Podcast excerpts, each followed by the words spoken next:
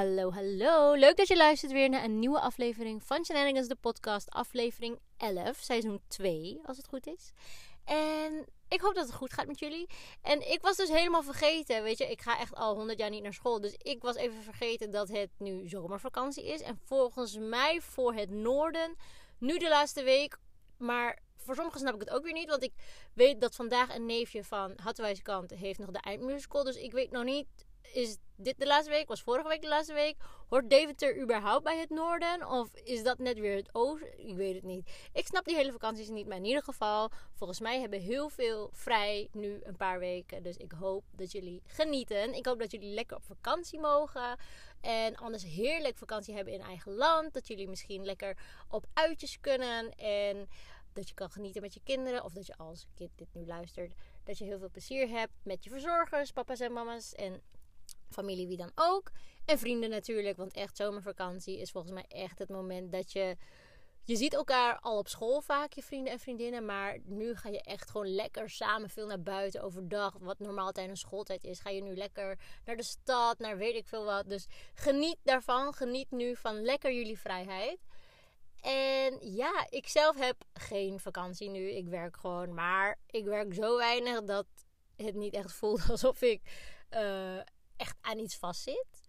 En ja, mijn vriend die werkt wel, dus zoveel is hij niet vrij per se. Maar we hebben al wel weer twee vakanties geboekt voor dit jaar nog. En zo gaan we nog ook wel vaak weekendjes weg. En eigenlijk voelt een weekendje naar Deventer voelt ook al als een mini getaway. Hè, omdat we toch dan in een andere plek of plaats slapen. En bij familie zijn en socializen, bla bla bla bla bla. We hebben heel veel feestjes nog op de planning staan. En heel veel bezigheden en activiteiten. Dus ja, al met al hebben we eigenlijk al wel een soort van planning waardoor het leven van de kinderen eigenlijk voelt als één grote vakantie. Alleen beseffen ze het nog niet. en ja, ik had gisteravond dus had ik even een ondervinding. Ik merkte aan mezelf dat ik even emotioneel was. Ik was eventjes niet zo vrolijk. En ja, dat kwam vooral omdat. Nou, ik heb dus ooit een keer een aflevering gemaakt over hè, van één kind naar twee kinderen. Hè, hoe in één keer hè, onze zoon er ook bij kwam. Nou ja, dat kwam niet in één keer natuurlijk. Maar in ieder geval, we hadden eerst een dochter. En toen werd dat langzaam werden we een gezin van vier. In plaats van eerst een gezin van drie. En die overgang vond ik uiteindelijk meevallen, omdat ik er best wel tegenop zag. Maar ik merk nu toch echt wel dat ik het iets lastiger vind. Wat een beetje raar klinkt, want het is nog steeds perfect. Het is nog steeds gewoon. Ons gezin van vier is sowieso compleet en I love it en perfect, perfect, perfect. Maar ik merk wel dat ik mijn dochter, die eerst echt, echt, echt een mama's kindje was, die absoluut niet zonder mij kon, die absoluut niet bij mij weg kon, bij me weg wilde, bij me, hè, die echt aan me was vastgeplakt, die is nu letterlijk helemaal een papa's kindje. En dat gun ik hem ook. Ik, ze heeft ook een geweldige papa. En ik gun hem natuurlijk ook weer die band die ik met haar had. Maar dat is het ook. Ik had dat met haar. Het is nu nog steeds, zijn we echt... Ik zeg ook letterlijk, je bent mijn bestie. Maar dan zegt hij, nee, dan ben ik van papa. Dat ik ook denk, oké girl.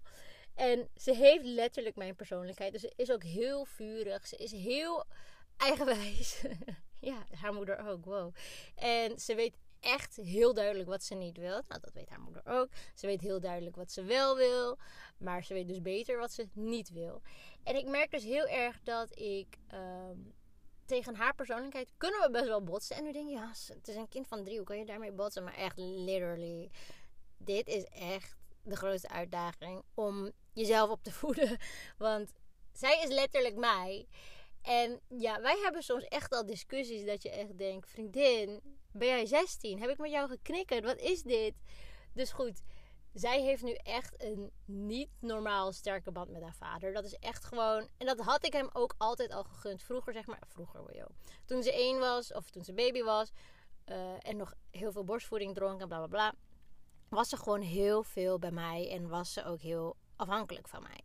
Maar toen ze daarvan af was, toen met twee jaar en acht maanden, merkte ik al wel dat ze echt, echt, echt veel meer naar haar vader toe groeide, zeg maar. En dat komt natuurlijk ook omdat ik continu met onze zoon bezig was. Ik was hem aan het voeden, ik was hem aan het verzorgen. En natuurlijk heeft mijn vriend hem ook verzorgd, maar ja, jullie weten denk ik ook als geen ander dat je als mama toch wel iets meer qua verzorging op je hebt dan de man in het begin.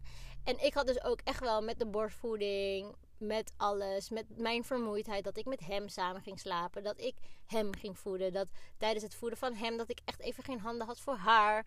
En nu ook, gewoon nu nog, nu mijn zoon nog steeds een middagslaapje doet en onze dochter heel soms, maar niet op dezelfde tijdstip helaas merk ik gewoon dat wanneer ik mijn zoon naar bed doe in de middag en mijn vriend naar werk is, dan wacht zij op haar mama in de woonkamer.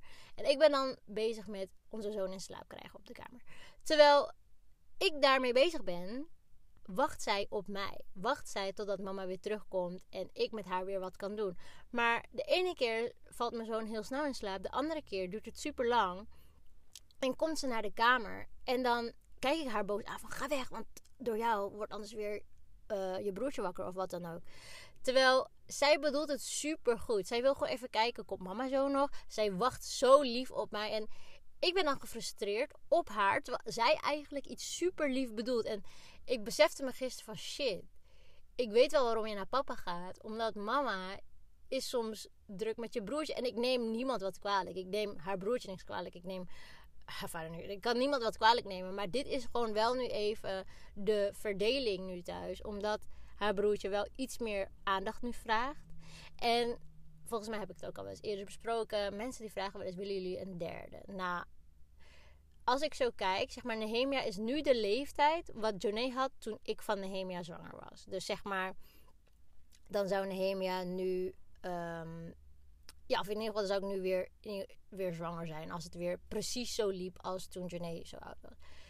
En nee, I could not. Het is echt wow. Ik vind dit zo pittig. En ik zit alleen maar te denken: kijk, ehm, als er weer een kind bij komt, dan, ja, dan moeten ze automatisch meer naar hun vader toe trekken. En dat is niet erg, want dat gun ik hun papa natuurlijk ook. Maar ik bedoel, ik merk wel dat mijn aandacht voor de baby wordt dan heel sterk, waardoor het van de andere kinderen meer gaat afnemen. En dat vind ik zo jammer dat ik nu eigenlijk, ja, Janae eigenlijk een soort van ja, die moet wel richting haar vader. Omdat mama die is te druk met haar broertje. En dat is niet erg. Ik bedoel, het is nu heel mooi verdeeld. Want het is letterlijk nu wij heeft onze dochter, ik heb onze zoon. En dat is een hele mooie rolverdeling. Maar ik merkte dan bijvoorbeeld ook gisteren, was onze zoon naar bed. En dan zit ik naast onze dochter en dan is mijn vriend aan het roken. En hij komt dan op een gegeven moment weer binnen.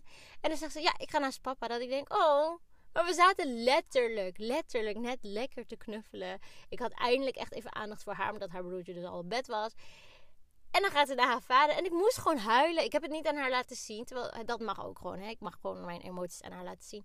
Maar ik ging gewoon ehm, naar bed, naar onze zoon toe. En ik had even een verhaal in mijn telefoon getypt. Wat ik straks even ga uitprinten. En dan in hun journalmapje ga zetten. Waarin ik dan een bericht had geschreven met sorry.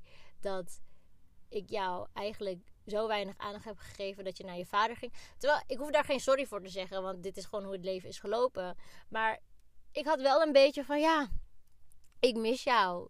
Maar ik neem niemand wat kwalijk, maar ik mis jou gewoon. Want ik ging dus laatst op mijn Instagram kijken. En toen heb ik allemaal foto's gezien van hè, hoe ze als babytje was. En hoeveel foto's wij samen hebben. En hoeveel leuke momentjes wij hebben gedaan. Want we waren altijd samen. Zeg maar, of we deden iets leuks met haar vader. Of we deden iets leuks met opa en oma. Of met mijn zus. Of met mijn broer.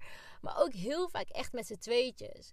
En nu doen we ook heel vaak leuke dingen samen met haar broertje en ik. Met z'n drietjes. En dan als haar vader vrij is, gaan we met z'n viertjes. Maar ja, ik denk toch wel echt dat ik binnenkort een mommy-daughter date ga inplannen. Ik heb gezien van dat je ook al soort van een nagellak dingetje, nagel manicure iets in de stad kan doen met je dochter. En dat het dan echt even een leuk momentje is voor jullie samen. En ik wil echt even haar binnenkort meenemen van je moeder is ook nog leuk hoor. In plaats van dat ze altijd maar met je broertje bezig is. En natuurlijk ook met haar broertje ga ik leuke dingen doen. Maar ik merk toch wel dat ik echt behoefte heb aan ja, iets meer samen doen. Iets meer één op één. En ik merk ook wel zeg maar dat mijn vriend die moet dat even wat meer met onze zoon doen. En zo hebben we het dan denk ik weer allemaal in balans. Want ik merk nu toch wel Het is best wel papa en dochter en mama en zoon. Terwijl, ja, met z'n vieren zijn we ook gezet. Het is, er is helemaal niks heftigs aan de hand. Maar ik bedoel gewoon eerder van... Ik wil steeds meer wel ook één op één aandacht voor de ander. Omdat nu, laatste tijd, is alles heel veel samen. Wat ook heel belangrijk is en waar ik heel dankbaar voor ben. Maar we gaan even wat meer ook één op één doen, denk ik. Omdat het toch wel even ook goed is voor de band um, afzonderlijk van elkaar, zeg maar. Nou, en dat is wat ik een beetje heb ondervonden. En misschien, kijk, weet je, als je mama bent en je bent in verwachting van de tweede of van de derde, vierde, vijfde. Het is wel inderdaad echt een balans zoeken. En dat is toch wel wat ik zwaar heb onderschat. Maar ja, dat is even wat ik heb ondervonden en wat ik wilde delen. Ik hoop dat je het leuk vond. Ik hoop dat je. Ja, ik weet niet. Ik weet niet wat je hiervan kan leren. Maar ik hoop dat je een hele fijne dag hebt. Een hele fijne vakantie. En jullie horen mij later weer. Doei doei.